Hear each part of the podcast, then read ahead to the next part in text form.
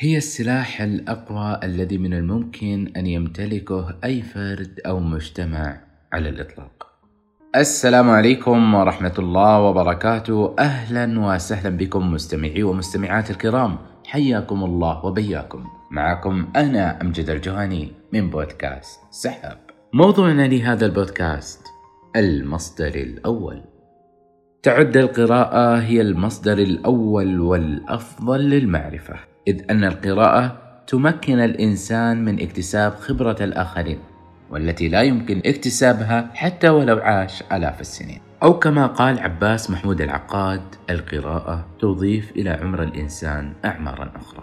فالقراءة تمكنك من إطلاع المعرفة والتجارب التي مرت على البشر منذ بداية الكتابة والتدوين والخبرات التي اكتسبوها منها. فالكتاب هو الصديق الوحيد الذي لا يمكنه أن يخونك على الإطلاق أو يكذب عليك. ولذا لا يوجد أفضل من هذا الصديق لكي تبني خبرتك على أساس نصحه. القراءة الواعية تفيد الفرد والمجتمع على وجه العموم. فإن أردنا أن نرى الطريقة التي تفيد القراءة الفرد فإننا نتفق جميعا على المعرفة التي تكسبها القراءة للفرد والعلوم المختلفة التي يطلع عليها عن طريق القراءة.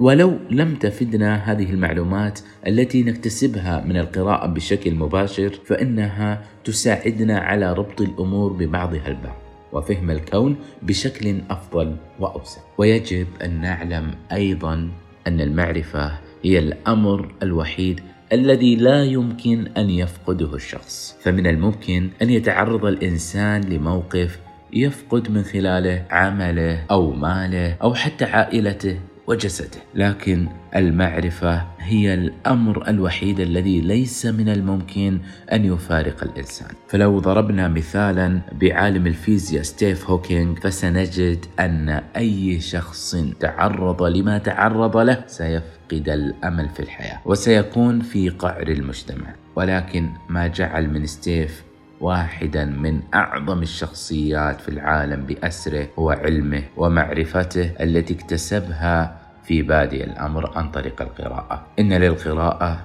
العديد من الإيجابيات الأخرى التي تنعكس على الفرد. فعند قيامنا بالقراءة سنقوم باكتساب مصطلحات جديدة وتعلم أساليب جديدة في الكلام. وهو ما سيساعدنا على تحسين ادائنا في الكتابة والتحدث أيضا. بالإضافة إلى أنها تساعدنا على تحسن طريقة تفكيرنا وزيادة التركيز لدى الإنسان. كما أن القراءة تساعد بشكل كبير على تحسن الذاكرة وبالتالي تفادي العديد من الأمراض كالزهايمر. أهمية القراءة للفرد هي أحد الأمور البديهية لدى العديد من الناس مقارنة بأهميتها للمجتمع، إذ أنه عند القراءة فإن كل شخص يقوم بالارتقاء بنفسه، فكيف لذلك أن يرتقي بالمجتمع؟ الإجابة هنا تكون بأن المجتمع مكون من مجموعة من الأفراد، والذي يرتقي بارتقائهم وينحط بانحطاطهم. فالمجتمع ليس كائنا منفصلا بذاته. يكون مستواه في المجتمع تبعا لتصرفاته. بل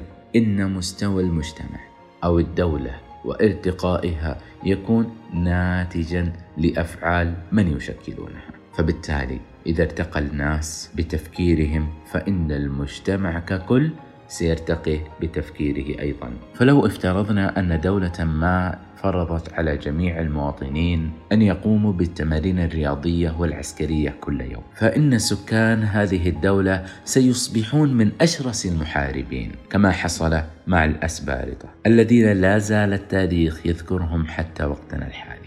وهذا ما سيحصل أيضا في حال قام جميع سكان الدولة بالاهتمام بالمعرفة والقراءة فإنها ستشكل حضارة لن يذكرها التاريخ فقط بل إنها ستساهم في صنع التاريخ وتشكيل عقول البشر حتى بعد آلاف السنين.